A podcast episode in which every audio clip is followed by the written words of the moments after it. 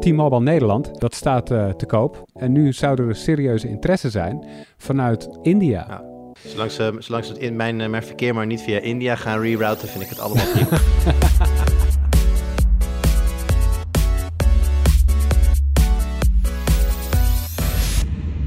Hoi, leuk dat je luistert. Welkom bij de Tweakers podcast. Mijn naam is Arnoud. Um, en vandaag zit ik aan de digitale virtuele tafel met Jurian Ubachs. Hey, hallo. Thijs Hofmans. Hoi. En Chris Brewster. Hi. En ja, je kan deze podcast op allerlei apparatuur beluisteren natuurlijk, maar de kans is toch wel groot dat je die beluistert op draadloze oordopjes. En er gebeurt veel in die markt, daar gaan we het straks over hebben. En ook bespreken we de stap van Apple om foto's op je iPhone of iPad te gaan scannen op zoek naar beeldmateriaal van kindermisbruik. Hebben we allemaal gedachten over, komen we straks op terug. Maar eerst de highlights. Jur, wat heb je meegenomen? Mijn Pixel 3 heb ik meegenomen. Nou, dat is niet waar, die is altijd bij me. Maar uh, echt, echt altijd bij me. Ik, ken, denk dat, er niet, dat je niet veel mensen kent die zo vergroeid zijn met een telefoon als ik. Dat klinkt nu ineens heel trots, daar ben ik niet trots op. Maar dat is een verhaal voor een andere keer. Uh, nee, ik, mensen die ons al heel lang luisteren, zo'n beetje vanaf het begin, die weten dat ik uh, nou, een jaar of twee mijn zoektocht naar een mobiele telefoon afsloot toen ik een, een Pixel 3a had gekocht. Mm -hmm. weet je, de, de, de, gist of it was toen um, ja, toch wel wat high-end features in wat heel duidelijk een low to mid-range prijs was. 400 euro was hij destijds. En uh, mijn idee daarbij was toen, ik wil geen dure telefoon, want ik kan niet twee jaar met een telefoon doen, daar ben ik veel te slordig voor. Lo and behold, we zijn twee jaar verder en mijn Pixel 3a mm -hmm. leeft nog steeds. Wow. Dus ik heb dus, dus uiteindelijk is het 200 euro per jaar geweest. Vind ik zeer schappelijk voor een mobiele telefoon. Ik heb, er is dus geen apparaat in mijn leven dat ik meer gebruik. Maar hij begint nu toch wel een klein beetje aan zijn einde te komen als het gaat mm. om nou ja, ik, uh, mensen die me goed kennen weten, ik ga wel eens een dagje op stap en dan bijvoorbeeld naar een wedstrijd van Ajax. Nou ja, dat is, hè, je gaat van huis, je hebt een stukje reistijd, je staat een stukje van tevoren bij het stadion met je vrienden nog eventjes een biertje drinken. Je gaat de wedstrijd kijken, je moet daarna nog naar huis. En als ik mijn telefoon niet op de battery saver zet, dan gaat die, die 6, 7 uur die ik daar wel voor nodig heb, al met al niet meer volhouden. Wauw. Ja, dat en is dat echt wel heel weinig. Dat is heel weinig. En ik sluit niet uit dat ik daar met een, een wipe en, en, en, en eventjes een, gewoon terug naar de systeem zet. Dat ik daar echt nog wel iets aan. Dat is natuurlijk altijd ook wel hoeveel software heb je erop staan en wat draait er allemaal op de achtergrond. Dat, daar kun je altijd nog wel iets mee winnen. Maar ik heb nu ook al meermaals gewoon dingetjes moeten verwijderen. Omdat ik tegen het, einde van de 64 gig opslag aan zat. En dat zijn voor mij meestal wel een beetje momenten dat ik denk van ja, oké, dan wordt het ook. En hij wordt ook wel gewoon trager, weet je wel. De, de, de, de, apps die je vaak gebruikt, die updaten, die merk, merk je op een gegeven moment dat ze niet meer zo snel zijn. Opstarten duurt wat langer. Dus uh, ja, wat ik heb meegenomen, Arnoud, is eigenlijk gewoon het begin van, van uh, ja, de zoektocht naar een nieuwe smartphone voor je part 2. En mm -hmm. uh, nou ja, de, de, logische vervolgvraag van jou uit is dan natuurlijk: heb je al nagedacht? Heb je al daar al ideeën bij? Het antwoord is nee. Um, ik heb eigenlijk pas net besloten, afgelopen zaterdag ongeveer, dat hij nu toch echt wel klaar is, deze. En ik sta er nog helemaal blanco in. Oké. Okay. Nou ja, het, het, treft. We hebben aan, aan onze digitale tafel een uh, smartphone reviewer zitten, namelijk Chris. Dus die kun je het gewoon vragen. Chris, wat moet hij hebben? Ja, als je tevreden wordt met de Pixel 3a, dan uh, is het op zich heel logisch om te wachten op de Pixel 5a. Want die komt als het goed is uh, 26 augustus uit, geloof ik. Ja, als maar het uh, gerucht die, klopt. Maar die wordt geen 400 euro meer, hè? Eh, nee, dat is inderdaad waar, ja. volgens nee, mij is het iets duurder. 6, 7, 8 staat hij toch, die kant op? Nee. Oh, nee, nee, nee, dat is, dat is de, de Pixel 5, 6 uh, is dat. Maar de 5A die komt, uh, komt ook gewoon uit, volgens mij. En uh, ah. tenminste, volgens de geruchten. Ja. En dat is eigenlijk gewoon de opvolger van de Pixel 4A, wat weer de opvolger van jouw Pixel 3A is. Maar voor de story arc van deze highlight, Chris, is het natuurlijk niet handig als ik nu meteen hier roep. Ja, is goed, ik neem wel de 5A. Dus nee, dat is een optie zeker. Uh, ja, tegelijkertijd loop ik er ook nog wel eens tegen aan dat er dingen voor uh, bijvoorbeeld iOS zijn die dan niet voor Android zijn.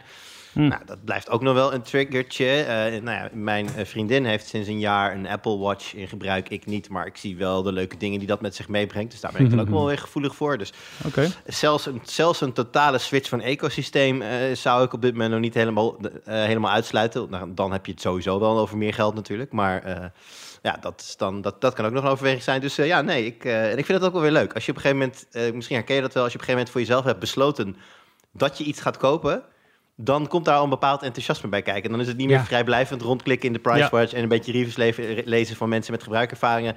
Dan wordt het allemaal echter. En dan, dan, dan zit je echt te zoeken naar... oh ja, nee, want zo doe ik het ook en zo, dit wil ik dan ook. En Ja. ja, dat, Ja. Het, het is een, eh, het is een eh, proces waar ik over het algemeen heel lang... eh, wat- volgens mij ben ik de laatste keer echt maanden bezig geweest... voor ik uiteindelijk een selectie had gemaakt... welke telefoon ik dan wilde hebben.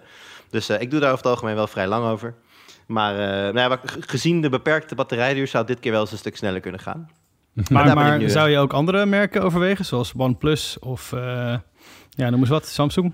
Eh, ja, tuurlijk. Als, de, als, de, als het plaatje klopt. Hè. Eh, net als een voetballer die een transfer gaat maken. Het, moet, het, is een, het is een stukje financiën, het is een stukje perspectief. Eh, hè, hoe lang teken ik voor die nieuwe telefoon, dat soort dingen. nee, alles moet, dat zeg ik, eh, als, eh, straks, als, stel Samsung of, of, of OnePlus, of maakt niet uit wie, heeft echt precies de telefoon die aan al mijn eisen voldoet. Gewoon mooi scherm, lange batterijduur, het genoeg opslag, dat soort dingen allemaal. Ja, ga ik dan, eh, ga ik dan die commitment aan voor... Als ik meer dan 800 euro uitgeef aan een telefoon, dan moet die twee jaar mee. Gewoon no questions eigenlijk. En wat, en wat doe ik dan als ik hem tussentijd sloop, zeg maar? Dat is dan een beetje eh, het ding. Dus dat, eh, ja, dat moet ik een beetje gaan, gaan uitvogelen voor mezelf. Ja, dus dan zit je eigenlijk een beetje op de 400, 500 euro. Als je dat niet uit wil geven voor een telefoon en beetje die middenklasse weer gaat zitten. Dan heb je bijvoorbeeld Noord 2 natuurlijk, die, eh, die nu uit is. Daar, hebben daar ben ik nu aan het reviewen trouwens ook. En je hebt de Samsung Galaxy A52, dat is een interessante. Wel of geen 5G-versie. Dus daar zou je ook naar kunnen kijken dan. Eh, maar als je inderdaad bang bent dat hij natuurlijk eh, ja, uit, je, uit je zak dondert een keer... en hij is 800 euro, dan eh, zou je misschien toch een klasse lager moeten kijken dan de high-end. En dan, dan zit je op dat soort Ja. toestelletjes. Ja, kijk, en dan de behuizing bijvoorbeeld maakt me alweer helemaal niks uit. Want ik knal er toch altijd een hoesje omheen. En dan kan ik wel nog zo'n mooie behuizing hebben, maar ja, die zie ik amper. Dus eh, dat zijn van die Ja. dingen. Maar het begint Oké. natuurlijk hier met een, met een wensenlijstje, weet je wel. Klein, groot. Eh, en je let natuurlijk op de dingen die mis zijn met je oude telefoon. Doet iedereen. Hè, dus het, eh, als de batterijduur op een gegeven moment tegenvalt, dan kijk je naar telefoons met een grotere accu. Eh, is het scherm wat minder als de zon schijnt, dan kijk je daar juist naar. Wel, dat soort dingen. Maar Ja. als je gewoon een wensenlijstje hebt, ja, dan kun je die gewoon veel makkelijker invullen en dan, dan, dan ben je er sneller. Ja, nee, helemaal eens hoor. Nou, ik ben benieuwd eh, waar, waar dit gaat eindigen. Chris, Ja, hoor je vervolgd. Net als vorige keer, volgens mij ben ik er toen ook meerdere keer op teruggekomen. En volgens mij ging het toen steeds over de Pocophone ook en zo. Daar heb ik heel lang toen op gezeten voordat ik uiteindelijk de, de Pixel vond. Dus ik, eh, als, ik, eh, als ik denk dichtbij te zijn, dan, eh, dan meld ik mij weer. In mijn herinneringen was part 1 was een maand of acht. Dus we hebben nog even te gaan als het op dezelfde manier gaat. Chris, wat heb je meegenomen vandaag? Eh, ja, ik eh, heb eigenlijk best wel een logische voor mezelf eigenlijk. Vandaag is de, eh, op de dag dat we dit opnemen tenminste, eh, de Galaxy Unpacked eh, voor de nieuwe Sa- Samsung-apparaten. Mhm. De Watch 4, eh, de Watch 4 Classic trouwens ook. En de Ja. nieuwe oordopjes. En ook natuurlijk de Fold 3 en de Z Flip 3. ja. Dus dat is ja, voor mij wel een dingetje natuurlijk. ja, want ze zeggen altijd de derde generatie van iets, dan wordt het een beetje goed. Wat denk je, is dat met de, met, de, met de Fold ook zo? Want dit is de derde generatie Fold. Het is de tweede flip, maar de derde Fold. Ja, ja, zeker. Nou ja, goed, eh, er zijn best wel veel verbeteringen. Ehm, als het, ja, zoals het eruit ziet, ik heb ze nog niet gezien. Eh Friso gaat later vandaag eh, naar een evenementje. En we hebben morgenavond, dat is dus vanavond, op het moment dat de podcast uitkomt, hebben Mhm. we een preview over de toestellen als het goed is. Oeh, Eh, dus dat is heel leuk. Ehm, maar wat ik ervan weet is, eh, is dat, eh, dat in ieder geval de Fold 3 een under display camera krijgt. Wat natuurlijk Ja. wel leuk is, als het tenminste goed werkt. Dat is interessant. Heel benieuwd naar. nou, ja, en er zijn heel uitgebreide softwareveranderingen doorgevoerd voor multitasking. Met een nieuw zeebalkje en dat soort dingetjes. En, en een nieuwe manier om, om twee dingen op een schermpje te krijgen, zo gezegd. Eh, er is S-Pen support bij gebrek aan een nieuwe noot natuurlijk. Eh, er komen zelfs twee pennetjes uit. Er is een IPX8 onderste- of, eh, certificering, waardoor die eh, tegen water kan. ah, dat is ook Dat voor het ook wel behoorlijk. eh, ja. vooruitgang, zeker voor een vouwtelefoon. Het scharnier schijnt verbeterd te zijn. Op welke manier, eh, dat weet ik eigenlijk nog niet. En eh toch wel het hij heeft Gorilla belangrijkste, Glass. Sorry? Wat zei je thuis? Lijkt me toch wel het belangrijkste daarvan. Ja, Ja, inderdaad. inderdaad. ja. ja, dus ik ben heel benieuwd inderdaad wat Friso daarvan gaat vinden. Eh, hij is ook een stukje dunner, dus ik ben heel benieuwd eh, hoe dat uitvalt. En of het inderdaad, eh, ja, die borsteltjes die erin zitten, die zouden verbeterd zijn. Zoiets, eh, geloof ik. Maar dat moeten we echt een beetje van dichtbij bekijken natuurlijk. Ehm, Ja, en dan heb je ook nog de Armor, Armor Aluminium. Dus dat die nog een stukje steviger is geworden qua metaal. Mhm. Het schijnt het sterkste aluminium te zijn wat ze gebruikt hebben tot nu toe in de Galaxy toestel. Dus ehm, op zich zijn het wel verbeteringen die, het, eh, die hem ook veel duurzamer zouden moeten maken. Als het eh, allemaal klopt wat Samsung zegt in de marketing eh, praat natuurlijk. Uiteraard. Dus ja, en de Flip die krijgt een grote coverscreen en is een stuk goedkoper geworden. Dus dat is op zich ook wel weer interessant. Ja, inderdaad. Hij zit nu hij zit wel boven de 1000 euro, geloof ik, maar een klein beetje. Ja. Is dat, is, Ja. dat, dat was een noodzakelijke stap, toch? Want met 1500 euro van de vorige flip, dan prijs je jezelf uit de markt, lijkt me. Ja, dan wordt die. eh, Ik denk niet dat ze op rekenen dat er dan heel veel van verkocht wordt. Maar eh, des te dichter het bij de 1000 euro gaat komen, des te ja, dichter het eh, bij eh, de prijzen gaat komen die eh, ja, sommige mensen gewend zijn om high, voor high-end telefoons te betalen. En eh, als je een flip of een Volt wil, dan ben je natuurlijk wel eh, ja, eh, wat meer van de, van de eh, ultieme gadget, zeg maar. Dus dan zou je misschien ook wel die prijs willen betalen. Ja, Als je zegt als ik zo'n ding koop, dan ben, dan ben ik als persoon van de ultieme gadgets. Vet. Eigenlijk wel, ja. Ik heb dus zojuist iets bijgeschreven op mijn verlanglijstje. En maar Chris, we, we, we praten nu over of het gewoon de volgende Samsung is. Ik heb het idee, eh, en eh, correct me if I'm wrong, dat dit, dat dit misschien wel de belangrijkste Galaxy-telefoons zijn in, in, in vijf tot tien jaar. Want eh, ga maar na, afgelopen eh, maand kwam het nieuws naar buiten dat eh, Xiaomi Samsung voorbij is in marktaandeel. Dat de Galaxy S21 ehm, naar verluid de helft minder verkoopt dan bijvoorbeeld een S10 twee jaar geleden. Ehm, en dat de Note dit jaar er niet komt, de Galaxy Note met, met het mooie pennetje die ze al tien jaar maken. Ehm, waardoor het heel duidelijk is dat dit, dit- als de, als de S-lijn het niet meer doet voor Samsung, dat dit de vervanging is waar ze, waar ze van afhankelijk worden de komende jaren. Eh, voel je dat ook zo? Is dit, is dit een heel belangrijke release voor Samsung? Merk je dat aan, aan, aan het bedrijf ook? Ik denk dat het eh, half waar is wat je zegt. Want ehm, inderdaad, je hebt natuurlijk eh, de high-end devices. dat waren de S-devices en de Note natuurlijk. En nu worden dit dan die devices. Maar ehm, tegelijkertijd zullen er nog heel veel mensen zijn... die juist ook genoegen nemen met een, nou, een normale smartphone zoals we dat nu kennen. En ehm, dan kan je natuurlijk ook kijken naar de A52... die echt immens populair is. En die juist weer heel veel meer verkocht wordt volgens mij... Ja. Samen met dan zijn voorgangers eh, steeds vaker. Eh, de mid-range toestellen waar ook steeds meer mensen volgens mij naar kijken. Eh, omdat er gewoon qua processorkracht ja, voldoende is. En veel features ook die al beter zijn geworden in de afgelopen jaren. Om gewoon nog ja, wat langer mee te kunnen dan dat het een paar jaar geleden was. Dus in die zin, ja, ik denk wel voor de helft inderdaad. Er zijn wel belangrijke releases. Maar ik denk ook nog niet dat het publiek er echt in massa klaar voor is... eh, om eh, deze toestellen te gaan kopen. Dus het, is meer een soort van nog steeds een, een voor... ehm, ja, lopertje van misschien dat er over twee jaar misschien veel meer mensen mee rondlopen met een fout-telefoon. Maar eerder verwacht ik het eerlijk gezegd nog niet.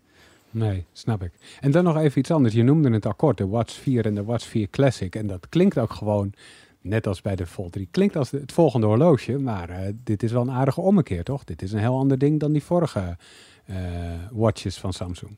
Ja, ja dus eh, het is inderdaad door de samenwerking van Samsung met Google is het, eh, is het nu Wear OS geworden. Ehm, maar dan op Samsung's manier. En ook nog steeds met de draaiende bezel op de Watch 4 Classic volgens mij. Oh, lekker. Daar, Eh. daar kan Jur straks eh, zijn vriendin lekker mee de, de, de- zo laten zien. Zo van, ja, maar ik heb een draaiende bessel als hij die, als dat horloge zou hebben.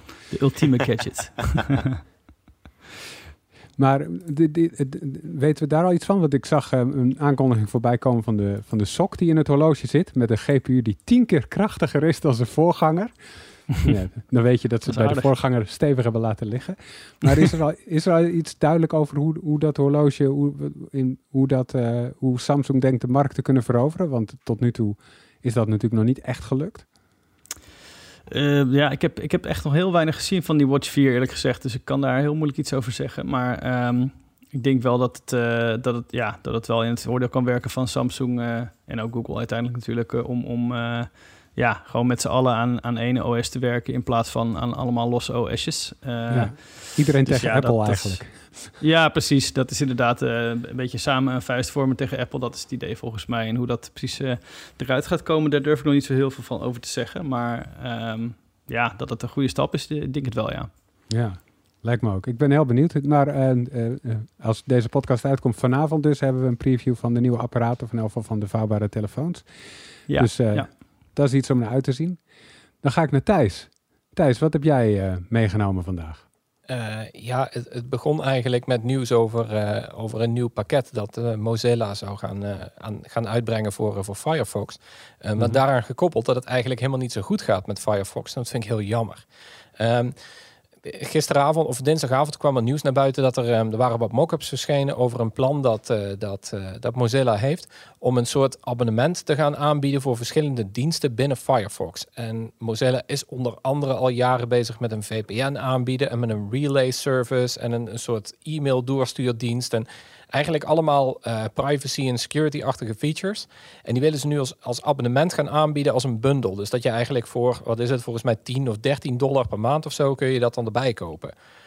En ehm, dat, is, dat is niet helemaal onverwacht, want eh, dat is al een beetje de koers waar, eh, waar Mozilla al, al, al denk drie jaar naartoe aan het gaan is. Ja. Maar als je dat combineert met een nieuwtje dat wij vorige week schreven ook, dat het aantal actieve gebruikers van Firefox echt hard achteruit gaat, hoop ik dat dit gewoon nog op tijd komt voor die browser. Want eh, volgens mij had jij dat geschreven, Arnoud, maar het Ja. aantal actieve gebruikers was voor het eerst ooit onder de 200 miljoen gedaald. Ja, nu, nu even En- een, asterisk bij dat ooit, want ze houden het pas Ja. drie jaar bij. Maar inderdaad, eh, zo, zei, zo laag was het cijfer nog nooit geweest.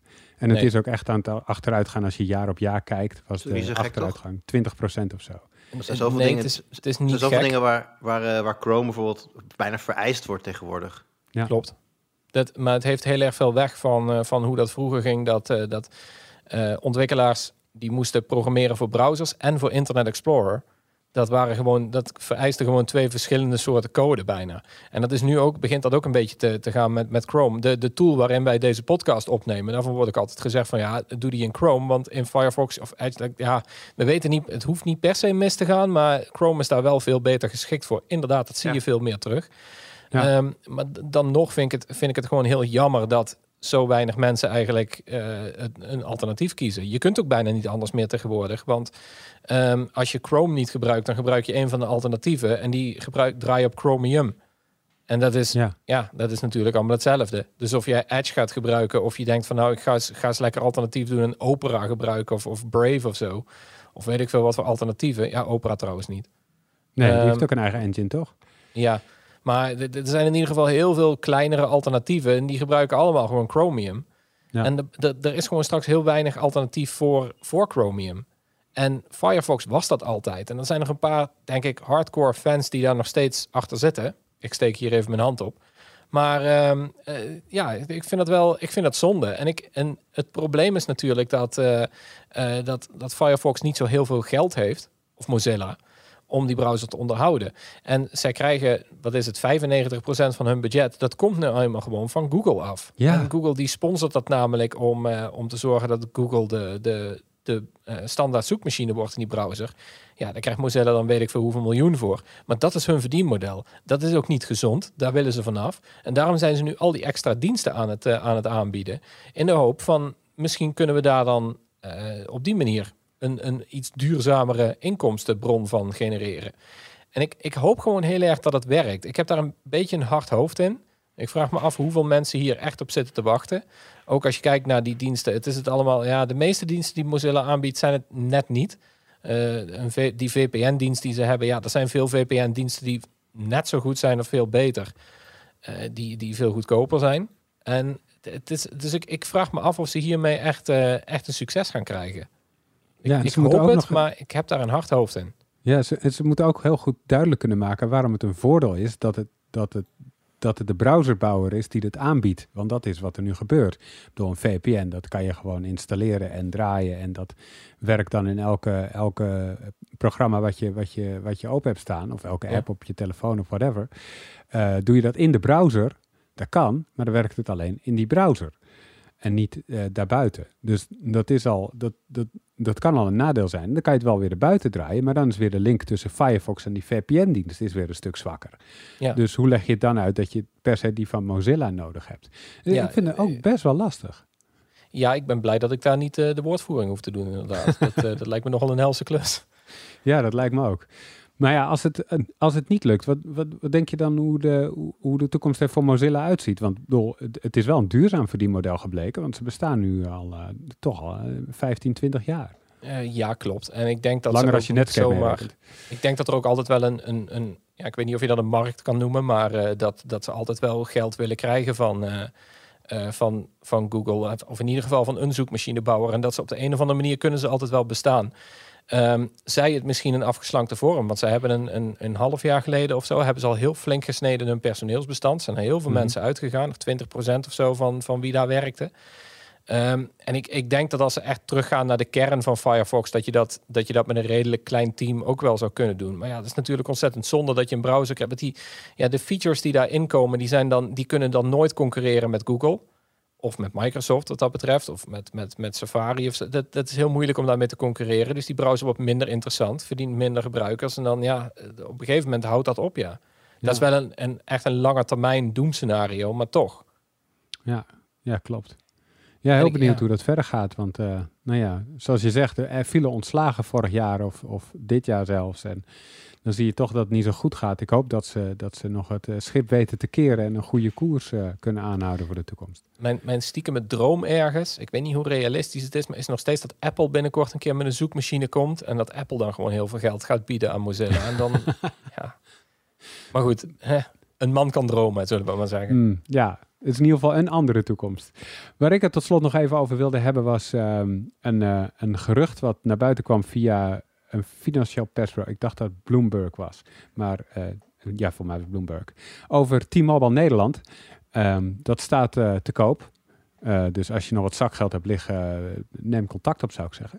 Maar het staat al jaren te koop. Ehm, eh, en, en nu zou er serieuze interesse zijn vanuit een land waar ik dat echt nooit van had verwacht.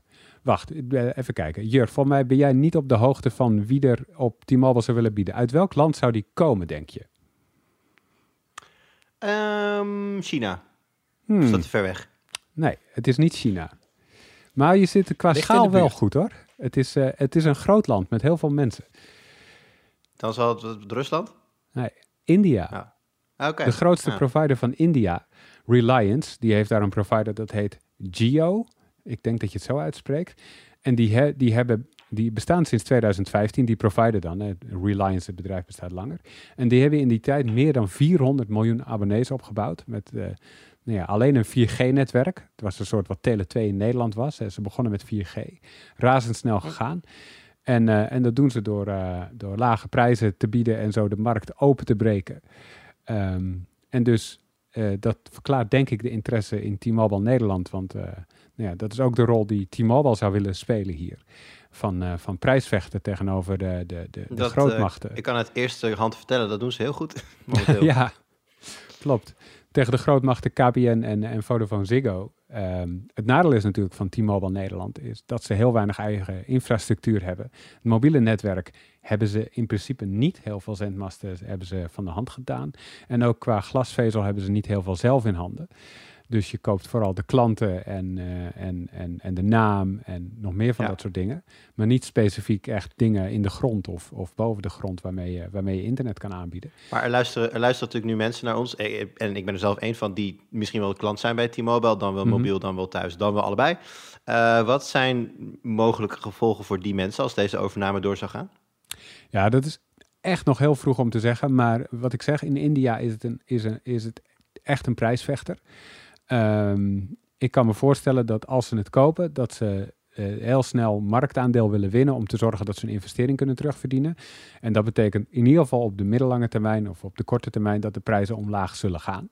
Eh, dus dat, lijkt me het meest logische scenario. Dat kan vanaf waar T-Mobile nu zit met zijn prijzen, kan dat bijna niet. Maar ik heb geen idee wat ze dan daarvoor doen. Of dat ze andere abonnementen ernaast zetten. Die ehm, bijvoorbeeld als ze nu, want nu hebben ze 1 gigabit internet en onbeperkt mobiel internet samen voor 50 euro, Jur, zeg Ja. ik dat goed? Correct. 40. Dat ze dan daar dat uitbreiden met eh, eh, pakketten die goedkoper zijn, maar minder snelheid bieden of een datalimiet hebben of dat soort dingen. Om te zorgen, nou ja, in elk geval dat er opties zijn voor Ja. hoe groot je portemonnee is. Ehm, en dat ze op die manier proberen om marktaandeel te winnen. Ik ben daar heel benieuwd naar. Ik Ja. had het nooit verwacht dat eh, zo'n partij er interesse in zou hebben. Heel benieuwd wat ze ermee zouden gaan doen.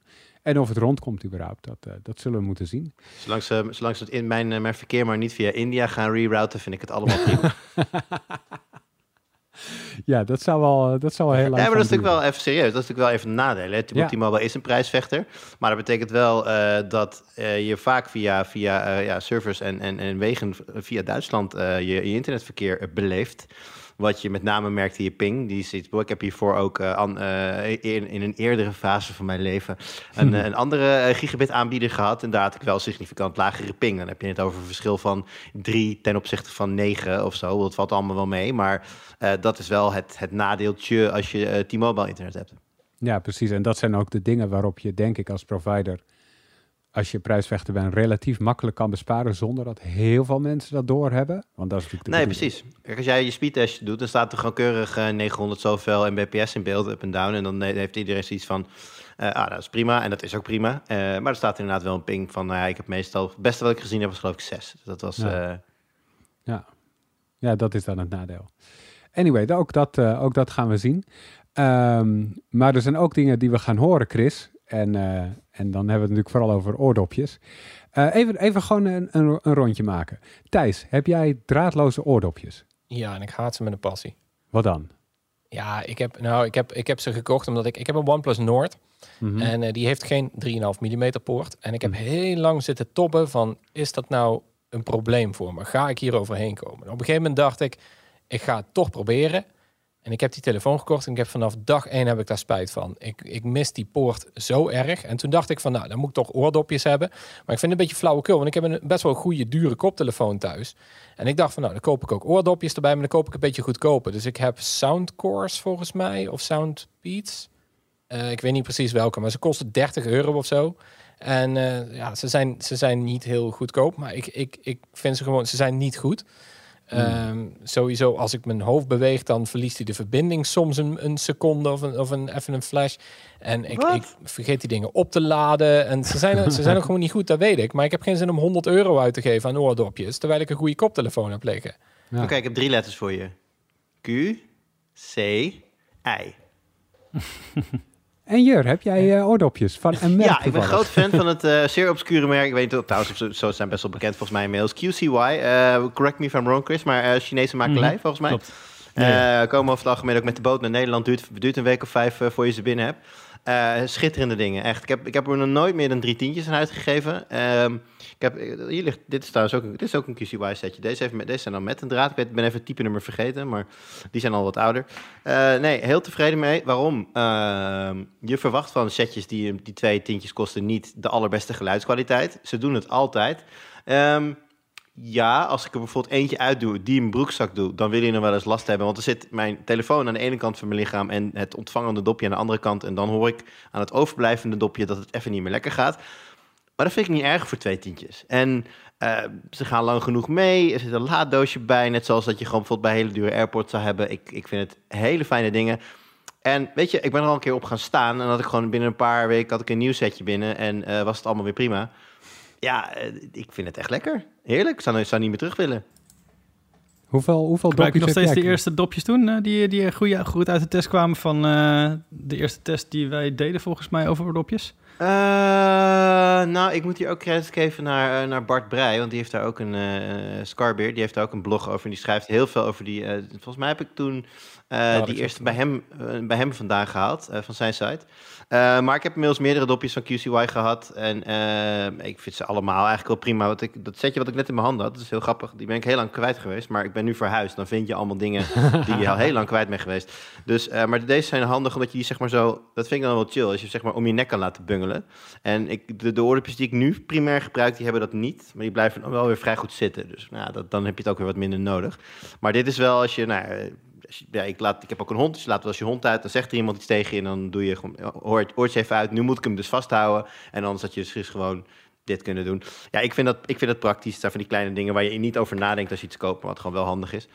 Ehm, ja, nee, ik weet niet wat ik eraan moet toevoegen. Chris vindt ze, vindt ze, vindt ze fijn. Ja, snap ik. Nice. Ja, ik eh, kan me voorstellen. Ik eh, denk dat ook heel veel mensen juist eh, helemaal draadloze oordopjes willen. Maar ja, het is, het is een Ja, ik heb ze allebei liggen. En hoeveel heb jij er, Chris? Ja, ik heb er superveel liggen, maar die zijn niet van mij natuurlijk. Eh, en ik gebruik ze eigenlijk ook eh, vrij weinig eh, ehm, in het OV meer, omdat ik natuurlijk niet zo vaak meer naar werk ga. Ehm, dus voor mij is het toch vooral als ik, als ik echt ga testen, dan, dan gebruik ik ze veel. Dan ga ik echt naar buiten met die dingen en dan ga ik fietsen en dan ga ik lopen. Maar eh, verder toch wel ja, eh, redelijk beperkt momenteel. Eh, maar ik heb wel iets van, nou ik geloof iets van vijf setjes nog liggen hier of zo. Samen met die Nothing oordopjes. Dus ja, ik vind ze op zich wel fijn hoor. Het is, het, ik, ik mis de 3,5 mm port eerlijk gezegd zelf niet heel erg op telefoons. Maar dat is waarschijnlijk ook omdat ik natuurlijk de luxe heb dat als ik een keer een dopje moet gebruiken, dan heb ik dat gewoon liggen. En dan heb ik ook duurdere dopjes liggen die ik even kan pakken. Dus ja, dat, Ja. dat voordeel heb je dan als oordopjesrecensent, zeg maar. Ja. Om, om het rondje te completeren, ik heb eh, net als Jur QCI. eh, ik heb daar twee setjes van gekocht. eh, twee, ik denk twee jaar geleden nu. Doen het allebei gewoon nog prima. Ehm, dus dat, dat gaat helemaal goed. Mijn vrouw zit op, op Galaxy Buds van Samsung. Die zat bij haar telefoon in. En daar is ze heel tevreden mee. Als ik ze in mijn oren doe, vind ik het niks. Maar zo, zo verschillen de smaken ontzettend. Ehm, dus ja, maar ik, eh, ik, ben, ik ben met Thijs. eh, ik heb nu een telefoon met 3,5 mm jack, omdat ik die poort veel te veel miste. Gewoon, want als je buiten gaat bellen met draadloze dopjes, ja, dat komt gewoon echt niet goed. En als je bedraden dopjes hebt, dan heb je gewoon een headsetje, een microfoontje hou je vlak bij je mond. Je kan de wind een beetje eruit houden. En dan kan je toch nog gewoon wandelend overleggen. Iets wat tijdens coronatijd heel erg goed van pas kwam. Hm. Ehm, dus voor Dat dat is voor mij ook de, de waarde van die draad is voor mij ook dat hij het altijd doet. Het gebeurt niet heel vaak. Ik zorg meestal wel dat mijn oordopjes zijn opgeladen. Maar wat Thijs al aangaf, hè, soms vergeet je ze op te laden. Ik heb bijna altijd wel in een binnenzak voor mijn jas een, eh, een bedraad setje eh, earbuds. Omdat ik gewoon de situatie wil voorkomen dat ik ze nodig heb of wil hebben. En dat dan mijn, eh, mijn- draadloze oordopjes leeg zijn. Ja, dan, eh, dan heb je niks. Dus de backup functie van het wel hebben van zo'n, van zo'n mini jack vind ik wel echt fijn. Ja. Maar Chris, lang, eh, we hebben nu dit hele rondje gemaakt. En, en een naam die ik niet heb gehoord zijn AirPods. De, toch de, de, de, de oordopjes waarmee deze markt, nou ja, in elk geval zijn grote doorbraak beleefd een jaar of vijf geleden. En ik had ook het idee dat het wel een tijdje echt een AirPods-markt was. En dat het nu is gekanteld. Zie jij dat ook? Ja, het, eh, ja goed, er, er waren ook eh, tijden, ten tijde dat de oordopjes van Apple uitkwamen, ook wel wat eh, draadloze dopjes hier en daar. Maar inderdaad, dat was in het begin gewoon vooral nou ja, het leeuwendeel AirPods. Maar inderdaad, eh, ja, je ziet steeds meer, mm, nou ja, een tijdje geleden al eigenlijk, dat die opkwamen. Maar high-end merken natuurlijk ook in die markt stoppen, stappen. Die ook voor vergelijkbare prijzen als van Apple en zelfs hoger eh, eh, oordopjes verkopen. Ehm, Ja. En steeds meer spreiding, zoals je dat vaker bij een nieuw product eh, ziet. Dus ook de goedkopere dopjes kwamen natuurlijk heel erg op. de Chinese dopjes. en natuurlijk ja, een, beetje, een beetje de middenklasse. En die, ja, die beleeft nu denk ik wel een, een, een soort van opleving de laatste paar jaar. Ehm, waaronder dus die van eh, Nothing, hè, die, net, eh, die we net eh, ja, gepubliceerd hebben eigenlijk, de review. Ja. Dus zo rond de 100 euro. Ehm, ja, helaas is dat de middenklasse, moet ik zeggen. Want het is nog steeds wel veel geld, 100 euro natuurlijk. Maar ik zie wel dat ze ook wel, ehm, nou ja, niet steeds goedkoper worden, maar wel steeds meer features hebben rond die prijs. Dus bijvoorbeeld noise cancelling zag je voorheen echt alleen maar in wat duurdere oordoppen. En nu, ehm, ja, het is, het is nog niet echt heel erg eh, top, de noise cancelling eh, meestal eh, voor, de, voor 100 euro. Maar nou ja, het, het wordt wat beter, eh, laten we het zo maar zeggen. En het zit Dus, erin. ja. Dat was eerst ook nog niet zo volgens mij. Nee, klopt inderdaad. Ehm, en toen het er eenmaal in zat, toen was het eh, toch wel vaak dat het eigenlijk niet zoveel voorstelde. En eh, het kan nog wel een stuk beter. Dus ik, ik verwacht daar nog wel een grote, eh, wat grote stappen. Ja. Als ja, fabrikanten er gewoon meer ervaring mee gaan hebben. Ehm, maar goed, dat geldt ook voor andere dingen zoals, ja, noem eens iets geks als belkwaliteit. Wat iets is wat Mhm. heel veel mensen toch belangrijk vinden, maar wat eh, het som- soms toch in reviews onderbelicht blijft. En ook op de spec sheets niet heel erg ehm, naar voren komt. Ja, op bepaalde oordopjesfabrikanten na, zoals Jabra, die richten daar heel erg op bijvoorbeeld. Ja. Ehm, maar het is toch wel een beetje het ondergeschoven kindje soms. En ik denk juist dat daar nog wel veel te winnen is. Want als ik dan eh, een testje doe, eh, zoals met Nothing, dan blijkt toch dat de, dat de belkwaliteit niet, eh, niet heel erg top is. Ehm, zelfs van de AirPods Pro viel die eigenlijk een beetje tegen. Mhm. Ja, dus dat. Het is, eh, ja, het is een markt in beweging natuurlijk. Dus op zich is het wel interessant om te kijken waar het, eh, waar het vandaan komt en waar het heen gaat. En ik, ja, ik denk dat, het, eh, dat je het nu vooral ziet ook in bijvoorbeeld dat er betere apps gemaakt worden nu voor die oordopjes. Dat je dus meer kan instellen. Bijvoorbeeld een equalizer een keertje kan instellen of wat dan ook. Dat zijn wel de features die nu wat meer naar voren komen dan. Waar dat voorheen eigenlijk gewoon niet zo was. Of alleen bij de duurdere merken. En bijvoorbeeld ook waterdichtheid eh, zie je ook steeds vaker in een wat lagere prijsklasse. Dus dat is op Oh, nice. ook alweer positief. Ehm, ja, dat soort dingen. Accuduur eh, zelf, eh, ja, heb ik daar niet geheel zicht op. Maar ik heb wel gekeken eventjes, ook voor deze podcast, naar hoe de accuduur van nu zich nou verhoudt tot ehm, een paar jaar geleden, zeg maar. En Oh, ik ben benieuwd. eh, hoewel we helaas wel een andere eh, geluidsniveau eh, hebben nu waarmee we testen, denk ik toch wel te kunnen zien dat het eigenlijk niet heel erg vooruit gegaan is, gemiddeld gezien. Mhm. Maar dat komt natuurlijk ook omdat ja, per oordopje is het heel verschillend. Hoe groot zijn die oordopjes? Wat voor accuutje past erin? Ja, en dat, daar kan je natuurlijk ook niet heel veel in smokkelen. Natuurlijk kan het wat energie-efficiënter of wat dan ook. Maar ehm, ja, verder is daar niet heel veel vooruitgang in volgens mij. Je hebt ook iets als goed Eh, genoeg natuurlijk. Hè? Ik bedoel, eh, als, je, als je accuduur al, weet ik wat, 6, 7 uur is. Ik weet niet, in, in, het- dat is volgens mij wel aan de hoge kant al. Maar moet je dan Ja. nog alles doen om het te rekken naar 9 of 10 uur? En wie heeft daar dan wat aan? Want je stopt ze elke keer weer in het doosje na nou ja, Ja. een uur, anderhalf, misschien twee uur. Misschien Ja, precies. Dat heb vier uur. inderdaad. eh, ja, dat heb ik inderdaad ook in de, in de review van Nothing eigenlijk geschreven. Van ja, op een gegeven moment is het ook gewoon. Ja, hij, hij is aan de lage kant bijvoorbeeld van Nothing. Dat is dan vier uur, vier en een half uur geloof ik. En Mhm. dat gaat natuurlijk nog een stukje bene- naar beneden als je eh, noise cancelling aan hebt. Dus dat is wel Ja. ja, een dingetje. Maar eh, ja, zolang het boven de vijf, zes uur is- zit, zou ik zelf niks meer wensen. En eigenlijk met die dopjes van Nothing ook niet. Want ik heb dopjes meestal no- nooit twee, twee uur of langer in eigenlijk. Maar dat is natuurlijk ook persoonlijk. Ja, het gaat natuurlijk ook een beetje om eh, wat reserve hebben natuurlijk als het gaat slijten. Want dat is natuurlijk onvermijdelijk op een gegeven moment. En dan gaat Ja, de accuduur ja. achteruit. Als je begint met 7 uur, ja, als je dan nog 5 uur over hebt, dan denk ik niet eens dat je het merkt eigenlijk. Nee, dat is inderdaad een heel goed punt. Dat, eh, daar moet je altijd rekening mee houden natuurlijk. Net zoals met telefoons. Dat zie je bij Jur ook weer eh, het verhaal wat hij net vertelt. Ja, het is gewoon... ja, het is echt hetgene waar, waar je op een gegeven moment van denkt van... oh ja, nu gaat die accu niet lang meer mee, dus eh, ik moet een nieuwe. Dat geldt voor oordopjes natuurlijk eigenlijk precies hetzelfde. Dus, Want eh, voor de duidelijkheid, met, met, met telefoons kun je nog naar een telefoonwinkel stappen, accu vervangen of het zelf doen als je, als je, als je de, de, de, de gereedschap in huis hebt en zo en de, en de skills daarvoor hebt. Ehm, met oordopjes, kan dat, kan dat überhaupt? Kun je iets als accu's vervangen of is dat echt gewoon hartstikke onmogelijk? Nou ja, ik denk dat als je, als je heel goed je best doet, dat het misschien wel kan bij sommige oordopjes. Maar eh, in het algemeen is dat gewoon eh, eigenlijk niet te doen, inderdaad. Het is eh, heel goed in elkaar gelijmd. Ehm, als je ook kijkt hoe de AirPods Pro bijvoorbeeld in elkaar zitten. Ja, dan is het heel lastig. eh, Noem je ook gelijk zonder een iets merk. kapot te maken. Ja, inderdaad. Ja, inderdaad. dat is waar. Maar ook andere oordopjes die zijn, eh, ja, voor zover ik dat allemaal gezien heb, eh, toch wel erg moeilijk uit elkaar te halen. Maar, maar ze zijn er wel. Het, het is wel te doen soms. Maar ehm, ja, voor de meeste mensen gaat het niet op. Nee. Hey, en eh, wat me opviel bij die oordopjes van Nothing, ineens ging het over het design. Maar, die zijn natuurlijk transparant, dus je kan er, of deels, daar kan je doorheen kijken een beetje. En, en dat geeft wel een gaaf effect. Is het, is het ontwerp van oordopjes, is dat belangrijk? Ja, ik merk zelf wel dat eh, als je ehm, mensen ernaar vraagt, dat ze eh, het ontwerp van oordopjes, nou in veel gevallen toch nog wel misschien een stukje belangrijker vinden zelfs dan eh, van hun smartphone. Omdat ehm, ja, je die dingen, als je ze dus regelmatig gebruikt, en dat is zo volgens mij als je oordopjes van meer dan 100 euro gaat kopen, ehm, anders koop je die niet volgens mij.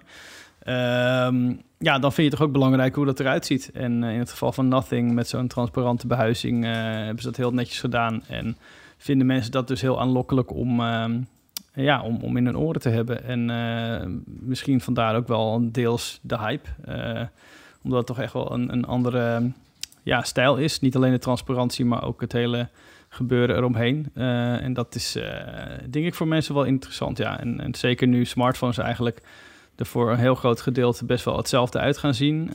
is zoiets fris als ja, die nieuwe oordopjes van Nothing, denk ik gewoon wel, wel aantrekkelijk voor mensen. En jij Jur, als je oordopjes uitzoekt eh, in China, Nee. kijk je dan... Totaal niet. Dat dacht Nee. ik al. Nee. nee, maar laten we even wel- wezen. De hele wereld loopt al sinds de introductie van die AirPods met jankende oren rond. Gaan we ons nu ineens druk maken over of, de, of die dopjes, weet je, als een traantje uit je oor. Gaan we nu ons druk maken of die dopjes wel mooi zijn? Ik bedoel, ja, nee, goed. Ik bedoel, het is met alles. Eh, gaan we de tijd, ik denk dat we de tijd nog wel mee gaan maken, of die zijn er misschien al wel, dat het gewoon, dat je ze gewoon diamantenversies, dat het een soort van oorbel voor, voor iedereen wordt in je oor. Mhm. Dan is het en een, en een sieraad en een gadget in één. Dat kan natuurlijk ook al met je telefoon. Die kun je ook al in het goud krijgen als je echt graag wil. Ja. ja, ik vind het ook wel heel logisch ergens, want het is wel iets waarmee je in het openbaar in je oren loopt. En ik denk dat je normaal gesproken daar wat, eh, eh, als je veel met uiterlijk bezig bent, dat je daar wat dieper over nadenkt dan gewoon, oh ja, die lijkt me wel leuk en, en, en hij kost maar twee tientjes in China. Ik denk Maar in dat, ieder geval, een, een, een paar jaar geleden wilde iedereen ook AirPods hebben. Ik denk dat dat voor een heel groot deel meespeelt. Dat dat er wel een statussymbool was toen. Mhm. Dat willen de kinderen, hoor hier opa verteld. Maar eh, ik had het idee dat, dat, dat, dat, dat je dat voornamelijk nam vanwege het statussymbool dat het was. En dat is natuurlijk ook wel omdat Apple duur product is. Dus het, het, Ja. hè, je laat ermee zien dat je rijk bent. Maar ook een beetje, weet je, dan is het uiterlijk wel belangrijk. Ja, ja, dat is waar. En Chris, wat, eh, wat, wat, wat gaan we nog zien komende jaren in oordopjes? Heb je daar enig zicht op wat er, wat er nog eh, gaat komen? Ehm, nou, naast wat Jur zegt, wat ik op zich wel een hele goede vind, eh, als je echt in de toekomst gaat kijken natuurlijk, dat ze steeds kleiner worden. Ehm, en misschien ook wel inderdaad meer, meer als sieraden gezien worden. Bling, Dat, eh, Mhm. ja. Ja, precies. Op zich een goed punt. Ehm, ik denk vooral goed, of, eh, betere eh, noise cancelling voor een redelijker bedrag. Want dat is echt wel iets wat nog een beetje in de kinderschoenen staat. Bij over-ear eh, hoofdtelefoons eh, is dat in principe eh, ja, is het gewoon een stuk beter eh, nu al. En dat, eh, ja, daar, hebben, daar hebben veel fabrikanten gewoon nog stappen te maken op het gebied van oordopjes. Eh, draadloos laden zie je nog niet zo heel vaak. Bij Nothing dan wel, maar eh, dat zie je over het algemeen nog niet echt in die prijsklasse. En dat, dat gaat ook wel weer eh, goedkoper worden, denk ik. Dus misschien heb je op een gegeven moment wel meer van die laders... eh, waar je je telefoon en je oordopjes op kan liggen, leggen, zoals eh, Apple probeert Leg te je, maken. dan, leg je dan los je oordopjes daarop of leg je het doosje waar je oordopjes in wonen daarop? Het eh, de, de, de doosje inderdaad eh, met de oordopjes erin. Ja. Ja. Ja, en eh, ja, wat, ik net ook al zei, het, het, het is natuurlijk niet een product wat enorm uitgebreid kan worden zoals een smartphone dat kan. Daar kan je natuurlijk verbeteringen doorvoeren aan een scherm, aan de camera, aan de software Ja. erin en zo. Het is een wat simpel product, dus je krijgt gewoon eerder dat het goedkoper wordt voor steeds betere functionaliteit. Ook wel, denk ik, ehm, eh, geluidskwaliteit, omdat je nu ziet dat ehm, veel oordopjes... eh, die hebben nog niet eh, de codecs met hogere bitrates. Die, die hoog gaan bijvoorbeeld dan rond de 400 eh mbit eh, per seconde. Ehm, ja, en dat, dat is natuurlijk op zich niet nodig als je naar een normaal Spotify-accountje luistert. Maar als je naar Tidal of naar Deezer, die grotere of die hogere bitrates ondersteunen, streaming... dan, ja, dan is het wel leuk als je ook een, een codec hebt die dat ondersteunt. Ja. En dat, eh, dat zal ook steeds vaker eh, gebeuren, dat die oordoppen dat eh, ondersteunen, zoals LDAC of eh aptX, dat soort dingetjes. Ehm, ja, dus ik denk dat je daar een beetje moet zoeken. Ehm, hopelijk ook dat de belkwaliteit nog een stukje omhoog gaat dus, want dat vind ik nog steeds wel, een beetje tegenvallen vaak. Ja. Toch ook wel belangrijk. En ehm, Maar het Ja. is ook natuurlijk wel lastig, want het zit in je oren en daar zit dus ook de microfoon. Dus fysiek is het al een stuk moeilijker dan, eh, Ja. Dan als je de microfoon zelf kan verplaatsen. ja, toch denk ik dat het wel nog, eh, nog een stuk eh, beter kan. eh, ja, gewoon dat die microfoontjes op een bepaalde manier gevoeliger worden, beter eh, ehm, de, ja, simpelweg de achtergrondgeluiden weg kunnen filteren, omdat ze meestal met z'n drieën zijn, hè, de microfoontjes in zo'n Mhm. oordopje. En dan, ja, dat, dat is gewoon nog een beetje... Ja, je, je hoort zoveel verschillen, laat ik het zo zeggen, ehm, nu bij oordoppen, dat, dat je weet dat het gewoon een stuk beter kan. Als, als, ja, als je kijkt naar de beste van nu, zeg maar, ehm, ja, dan, dan kunnen heel veel andere fabrikanten nog wat slagen maken. Ja, heel benieuwd. Oh ja, en trouwens, een Ja. multipoint connection, dat vind ik nog een heel Ja, belangrijke. inderdaad, je hebt gelijk. dat is zo irritant Dat dat, is het nog nergens niet, in zit nog bijna. Het is, de eh, Jabra's hebben dat volgens mij en dat is het Klopt, wel, denk ja. ik.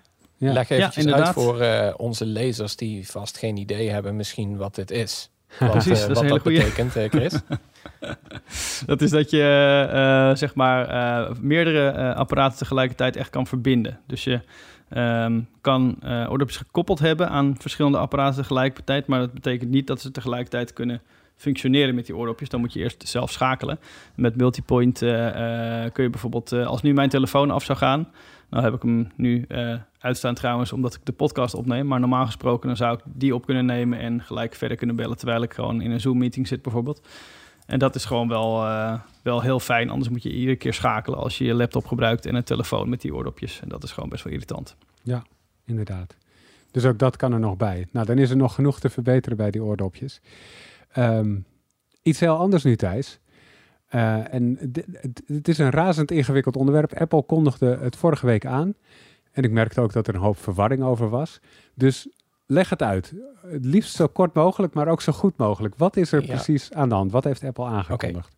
Apple heeft een paar plannen aangekondigd om eh, kinderen beter te beschermen tegen kindermisbruik. En ehm, het, het gaat om een reeks plannen, maar er zijn er twee eigenlijk eh, redelijk controversieel. En eentje die staat echt in het nieuws. Eentje is ehm, dat zij iMessage, dat ze daar gaan, eh, kunnen gaan scannen op eh, als kinderen eh, foto's ontvangen van, van nou ja, de- en noem het even heel grof een dickpic. Stel je krijgt een dickpic binnen, dan wordt dat geflagd en dan kun je een seintje naar de ouders laten geven of zo.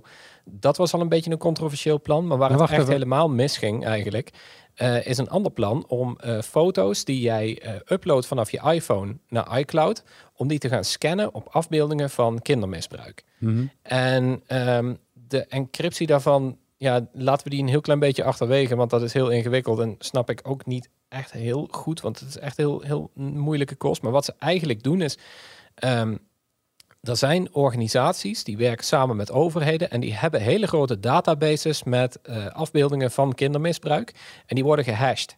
En die hashes daarvan, die worden eh, eh, verdeeld, die worden gegeven aan bijvoorbeeld Apple, maar ook Microsoft, Google, Facebook en zo. En daarmee kunnen die, eh, kunnen die bedrijven, die kunnen dan die eh, afbeeldingen, eh, afbeelding hashes, die kunnen ze vergelijken met hashes die op hun servers, services staan. Dus op die manier kunnen zij redelijk makkelijk scannen op die afbeeldingen, zonder dat ze echt algoritmes moeten schrijven die specifiek kinderen kunnen herkennen en zo. Dat is natuurlijk heel naar. Ja. Dat is een beetje een, een best wel kant-en-klare oplossing. Nou, Apple was een van de weinige grote techbedrijven die dat eigenlijk nog helemaal niet deed. En die hebben nu gezegd van we gaan dat wel doen, maar dan op een iets andere manier. Het zijn namelijk alleen foto's, eh, eh, foto's die op jouw telefoon staan. Daarvan wordt eh, die hash vergeleken met die hashes van de bekende afbeeldingen. En als, als jij die vervolgens uploadt naar iCloud en daar is een match bij, en dat gebeurt ook vaak genoeg, dan word jij geflagd en dan, ja, dan, dan, dan, dan sta je bekend als kindermisbruiker, denk ik.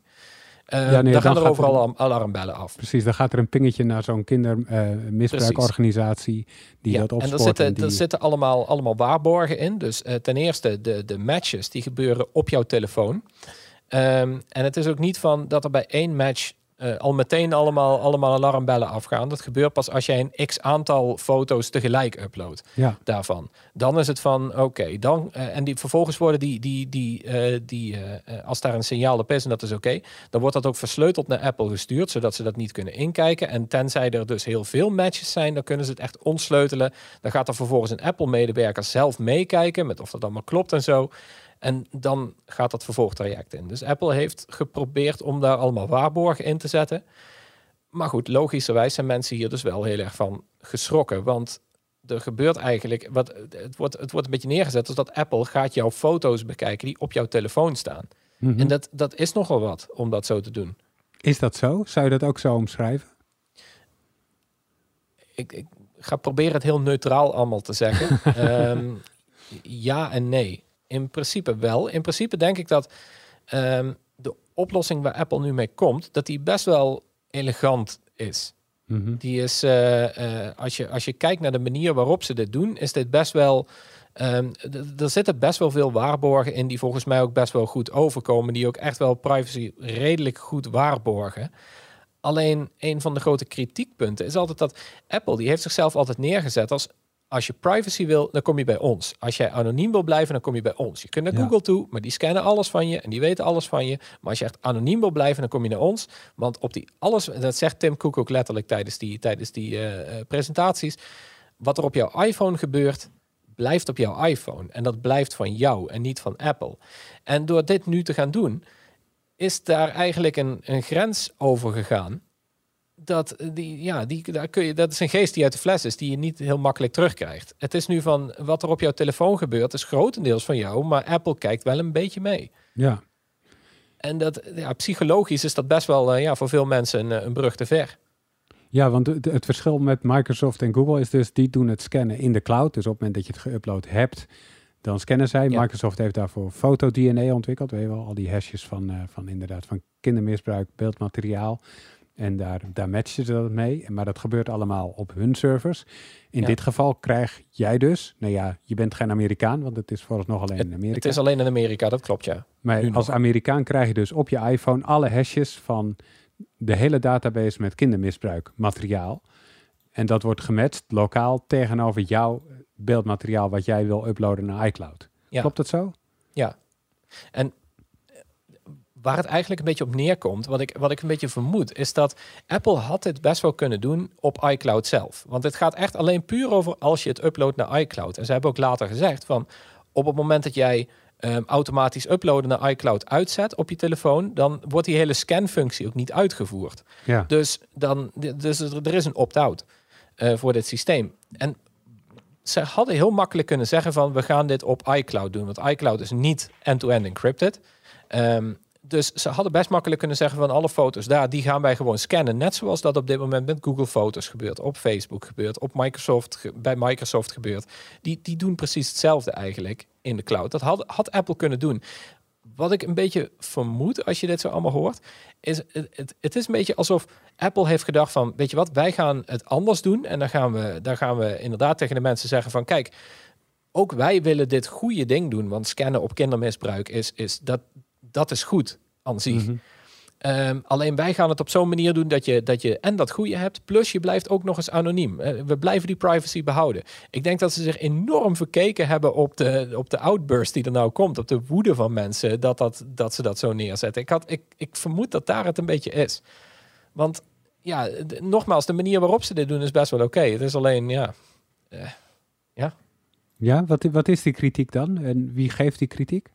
Ehm, de, de kritiek is eigenlijk eh, voornamelijk eh, eh, dit, dat het, dat het ook een beetje, ehm, eh, het komt een beetje onverwacht ook. Dat is Mhm. het ook, hè? want Apple die heeft, die heeft hier eigenlijk helemaal niet van overlegd met andere clubs van wat is nou een goede manier om dit aan te pakken. Ze zeggen gewoon van ja, we gaan het nu op deze manier doen. En een, een, een andere de- probleem is een beetje dat je zegt van als je nu kunt gaan scannen op kindermisbruik, waarom dan niet ook op andere dingen? Mhm. Eh, waarom zou je dan niet ook op, op terroristische content gaan doen? Of, of nog een stapje lager op eh, belastingfraude of weet ik veel wat. Hè? Gaan we scannen op foto's van, eh, van kentekens van leaseauto's of zo. Als de Belastingdienst dat wil. En het, wat ze nu doen is eigenlijk gewoon netjes zeggen van... nee, wij zijn Apple, vertrouw ons, wij gaan dat niet doen. Maar ja, dat Ja. is het woord van Apple tegenover andere woorden. En moet je dat vertrouwen? Dat is maar de grote vraag. Ja, en er komt volgens mij nog bij, als ik het goed heb begrepen hoor. Maar nu is het alleen nog in Amerika met die Amerikaanse organisatie. Eh, maar de bedoeling is om dat in meerdere landen te doen met dus meerdere organisaties. En in Amerika heb ik er wel redelijk vertrouwen in met hun checks en balances dat zo'n organisatie inderdaad een database heeft die echt alleen gericht is op kindermisbruik. Maar als je in een ander land komt waar iemand aan de macht is met de absolute macht, eh, dat die gaat zeggen, ja, de, de- in die database, daar wil ik nog wel even iets meer hebben. Want er zijn wel dingen gebeurd in het verleden, daar wil ik niet dat mensen daar nog foto's van hebben. Kunnen, Ja. Kan die dat dan in de database zetten? Of is daar, is, heeft Ik, Apple ik, daar een ik weet niet systeem hoe dat precies werkt, maar ik kan me voorstellen dat, eh, eh, dat eh, als Apple in China wil blijven, blijven zitten, dat ze dan weer hetzelfde probleem krijgen als wat ze destijds hadden, met dat alle, alle dingen lokaal moesten worden opgeslagen van Chinezen. Ja, En je krijgt nu precies hetzelfde als als de Chinese overheid naar Apple toe gaat en die zegt: hey, het is een voorwaarde als jij in dit land wilt blijven, dan moet jij verplicht nu ook gaan checken tegenover deze hashes die wij hebben van eh Oeigoerse gezichtsherkenning. mhm. Dan, dan, dan staat Apple ineens voor een ethisch dilemma en dan krijg je daar weer gedonder over. Weet je, de hackers van de dam en je, ja, eh, waarom niet meer? Inderdaad, in, in China wordt het een probleem. In heel veel andere landen kan dit ook wel eens een probleem worden, ja. ja, en voor China is het dan misschien denk ik nog iets minder, want die hebben al de sleutels van alle iCloud-gebouwen en die kunnen in principe al bij Chinese iCloud-klanten kunnen ze erin. Dus die hebben het niet echt nodig misschien. Ja, maar goed punt. In andere Maar landen dat, misschien wel. er ja. zijn genoeg, genoeg landen inderdaad waar die checks en balances die je net noemde inderdaad niet aanwezig zijn. Dat klopt. Ja. En Ja, ik, ik vraag me ook, ook een klein beetje af, eerlijk gezegd. Dat is wel vaag terrein waar je nou in komt. Maar ik vraag me af wat het effect hiervan gaat worden. Want er is een heel duidelijke opt-out. En eh, eh, de, de, de mensen die je hiermee gaat pakken, dat zijn niet de grootverbruikers of groot uploaders van, van kindermisbruik. Want als, die hebben wel andere methoden om zichzelf anoniem te houden. En zelfs als jij allemaal foto's gaat maken met een iPhone, dan zet je gewoon het uploaden naar iCloud uit en dan eh, gebeurt er niks. Ja, maar die dus foto's ik- kunnen ik- nooit in die database staan, want die heb je net gemaakt. Ook dat nog eens inderdaad, ja. Dus, en het delen daarvan is dan, wordt dan ook weer een ander verhaal. Maar ik, ik vraag me gewoon af wat het, wat het effect hiervan wordt. En ehm, ook dat is weer iets waarvan, eh, waarvan ze dus van tevoren niet echt hebben overlegd met mensen van... Is dit nou een goed idee van wat, wat, want je geeft wel heel veel rechten op, heel veel privacyrechten. En privacy versus kindermisbruik is altijd een beetje een afweging die vaak doorslaat in het geval van kindermisbruik en kinderbescherming. Ehm, maar ja, je kunt je afvragen van in hoeverre moet je dit nou doorvoeren ten, ja, ten koste van wat? Wat geef je ermee op? En wat win Ja. je ermee? En ik vraag me af of dat echt, echt heel veel winst oplevert in dit geval. Ja.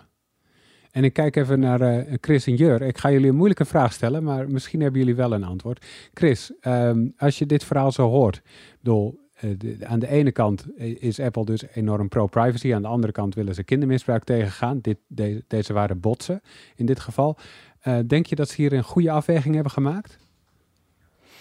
Als ik het zo hoor, zou ik eh, zeggen van niet inderdaad. Want ehm, ik denk inderdaad niet dat je er heel veel mee, mee gaat winnen. Om, omdat je inderdaad als, als ja, notoire kindermisbruikers... eh, die zullen andere methoden hebben dan, eh, dan hun foto's naar iCloud uplo- uploaden simpelweg. Eh, en zeker foto's die al bestaan. Dus Ja.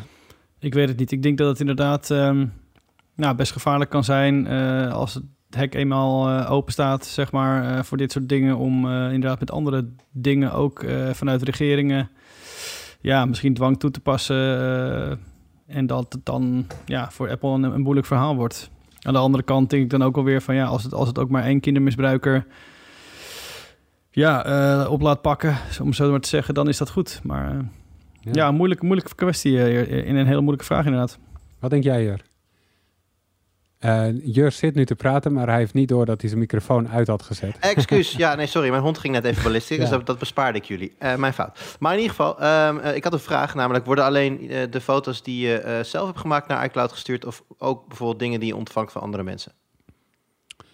Hangt er vanaf hoe je iCloud instelt, toch Chris? Dat denk ik ook. Ja. Want dat is Ja. natuurlijk wel... dat is natuurlijk wat jij zegt van... kijk, mensen die dat, dat materiaal produceren... hebben er andere methoden voor, dat geloof ik direct. Maar ik geloof ook dat er mensen zijn die er minder goed over nadenken... die misschien toch ook. Ineens on a whim, zeg maar... eh, hè, dat, soort materiaal op hun telefoon hebben. Op het moment dat dat materiaal eh, eh, misschien wel buiten hun weten om... misschien weten ze niet eens dat ze al hun, eh, hun foto's naar iCloud backuppen... Eh, dat, dat, als, dat als dat op die servers terechtkomt en door die scanners gaat, ja, dat zou dan beeldmateriaal kunnen zijn dat die scanners al wel kennen. En Ja. dan zou het eh, eh, eh, ehm, ehm, eh, effectief kunnen zijn. Ik vind het wel eh, fijn en ook noodzakelijk dat daar op een gegeven moment en wel een menselijke eh, review tussen zit. Terwijl op een gegeven moment iemand ja, eh, met, met eigen oog gaat kijken en die dan nou, eventueel eh false positives eruit kan halen. Ik ben ook wel benieuwd eh, als eindgebruiker zijn op welk moment je op de hoogte wordt gesteld dat die scanner dus da- is afgegaan op iets wat vanaf jouw telefoon is gekomen. En wanneer je dan ziet wat, welk plaatje dat dan geweest zou moeten zijn. Dus zitten hier wel veel vragen aan. Ehm, en, en, en veel haken en ogen ook. Hè? Want als jij te maken krijgt met false positives, dat is een, eh, dat is een probleem waar jij eh, niet mee wil gaan handelen in je Mhm. leven. Maar dat kan, dat kan wel voorkomen. En Apple zegt zelf op dit moment van de kans is 1 op 1 bil- biljoen dat er een false positive is. Maar goed, ja, dan Ja. moeten we Apple dan ook maar weer een beetje op geloven natuurlijk. Ja, maar je hebt van die foto's, dat je wel, dat die, die, die worden vaak als schijntje dan geplaatst. Dan, dan staan een paar mensen op foto en dan lijkt het net of iemand zijn derde been in beeld is. Maar dat is dan de elleboog van Ja, ja. iemand die ernaast staat. Dat je van dat soort vertekende foto's. Ja, ik kan me heel goed voorstellen dat zo'n zo'n scanner, zo'n algoritme, daar op, met, met dat soort plaatjes ook een keer in de mist gaat. Zeker, Nee. zeker als niet elk plaatje... Oh, Arna schudt nee. Nee, het zijn, de, de clue is dat het bekende beelden zijn. Dus beelden Ja. die zijn gevonden van online kindermisbruik. Eh, en daarmee wordt het vergeleken. Het is dus niet een scan eh, op, op beeldherkenning van, van Dan, geslachtsdelen. Precies, dat voorkomt ook een beetje dat als jij een ja, foto dan komen maakt er van geen je false kind... Nee, nou, ja, Kan nog Nee. steeds hoor. Het is in ieder geval niet zo dat als jij een foto maakt van je, van je peuter die in bad zit, dat je dan meteen eh, problemen krijgt of zo. Het is inderdaad. het, het gaat erom als je afbeeldingen inderdaad downloadt die bekend zijn. Maar Ja. dan, dan nog, weet je, je, je zult net een foto van een, van, een, van een kind maken die net anders wordt gehashed of geïnterpreteerd.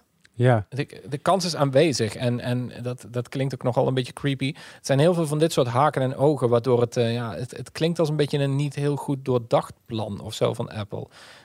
Ik- Waarmee ik niet wil zeggen dat Apple er helemaal niet over heeft nagedacht, maar eh, het klinkt een beetje alsof, er, eh, alsof ze hebben onderschat wat dit in de praktijk betekent of zo voor de meeste gebruikers en hoe die er tegenaan kijken. ja. Hoe komen die foto's in die database dan? Is dat via de politie of zo? Onder andere, dat wordt eh, aangeleverd door de, ik weet niet hoe die, hoe die organisatie heet. Is een, in Amerika zit er een non-profit, de National Children Safety Association, zoiets. En dat is een non-profit en die werkt samen met de autoriteiten. En inderdaad, als er volgens mij als er beelden worden in beslag worden genomen, of, of als die eh, heel veelvuldig op, eh, op Google servers worden gevonden, dan, dan al die bedrijven die werken met elkaar samen om die foto's data te verzamelen. Ja. En dan vervolgens door dat hashing-algoritme te halen. ja. Het is in ieder geval een heel lastig probleem. Dat is, eh, dat is wel duidelijk. En Ja, je krijgt. Het, het, het is hetzelfde probleem wat je altijd krijgt als je het hebt over, over kindermisbruik. Ehm, kindermisbruik wordt op zichzelf weer heel vaak misbruikt als argument tegenover eh massasurveillance. En eh, ja, dat, dat heb je hier ook weer. Dat zie je hier ook weer gebeuren. En ik denk dat, weet je, Apple, die, dat is ook een, een, een duivels dilemma voor Apple. Want Apple werd ook wel vaak aangesproken op dat het de enige partij was die eigenlijk nooit scande op eh, afbeeldingen van kindermisbruik. ja, Ook niet in iCloud. Terwijl al die concurrenten daarvan dat wel doen. Dus ja, op een gegeven moment, je, je wil daar ook iets aan doen natuurlijk. Want het is wel een maatschappelijk probleem en waar je iets aan kunt doen als bedrijf.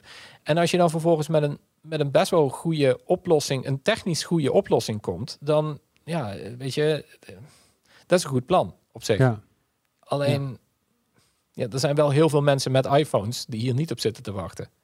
Dat lijkt me ook, ja. En ik, nou ja, ik ben gewoon heel benieuwd wat dit gaat betekenen. En ik denk op het moment dat het live gaat, dan horen we gauw genoeg of dit eh, opvallend veel eh, eh, matches heeft. En of dat dus, of er daar veel false positives tussen zitten. Want ik bedoel, eerder deze zomer ben ik bezig geweest met mensen waarvan de accounts geblokkeerd waren. Reden daarvan trouwens is totaal onbekend. Maar ergens bij een scan bij Microsoft is er dan iets misgegaan en gaat er, gaat er iets af. waardoor je account geblokkeerd wordt. En veel mensen hebben dat ook, waren dat, die, die dachten dat het lag aan bijvoorbeeld WhatsApp-foto's, die dan automatisch gebackupt werden.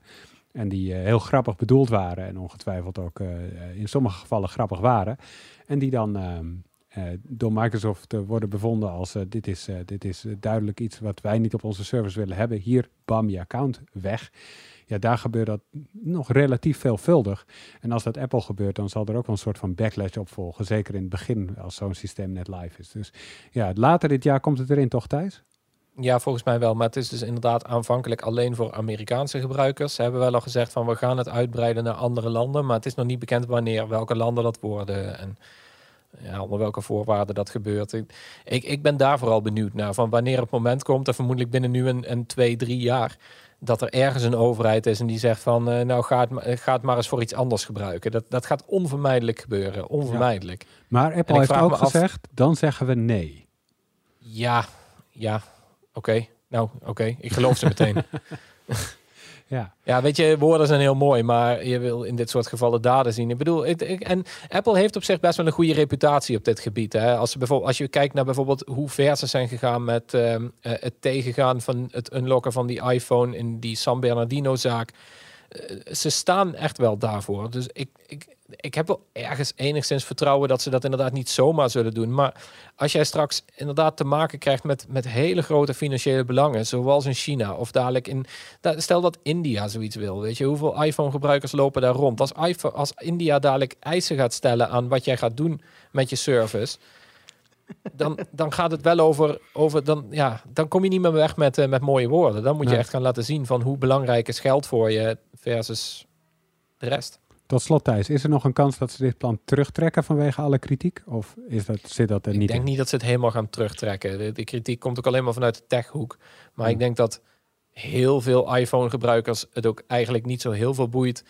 Eh, en dat die het, opspo- het opsporen van kindermisbruik eigenlijk belangrijker vinden als je dan naar vraagt. Maar ja, dat zijn mensen die je misschien veel minder hoort. Ja. Dus ik, ik, ik, ik vermoed dat ik denk dat ze het wel afzwakken op de een of andere manier, maar dat er nu echt wel een PR-offensief gaat gevoerd worden met meer uitleg van hoe dit nou precies werkt en hoe privacyvriendelijk tussen aanhalingstekens dit zogenaamd gaat worden. Yes. Nou, dat is later dit jaar. Uh, en dan wil ik tot slot nog even kijken wat er later deze week uh, bij ons op de site verschijnt. Uh, nou, Chris, we hadden het al even over Unpack. Daar komt dus een mooie, mooie preview van aan.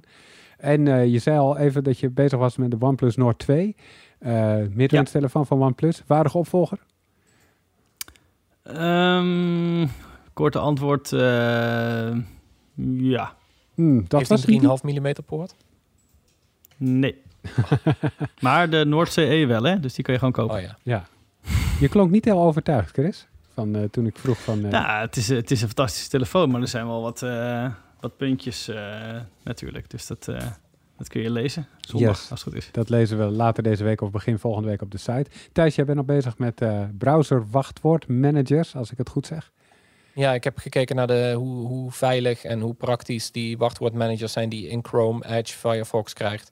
Uh, ten opzichte van uh, losstaande wachtwoordmanagers. Die hebben we een paar weken geleden behandeld. En nu heb ik eens gekeken hoe dat zit nou in, in de browser zelf. En spoiler alert, die zijn veel minder goed. Zeg waar? Oef. Ja, je verwacht het niet. Nou, genoeg te lezen in elk geval komende week. Dank jullie wel jongens dat jullie erbij waren. Dank je wel voor het luisteren. Als je feedback hebt, dat kan naar uh, podcast.tweakers.net of onder de punt op de site. Tot volgende week. Doei. Doei.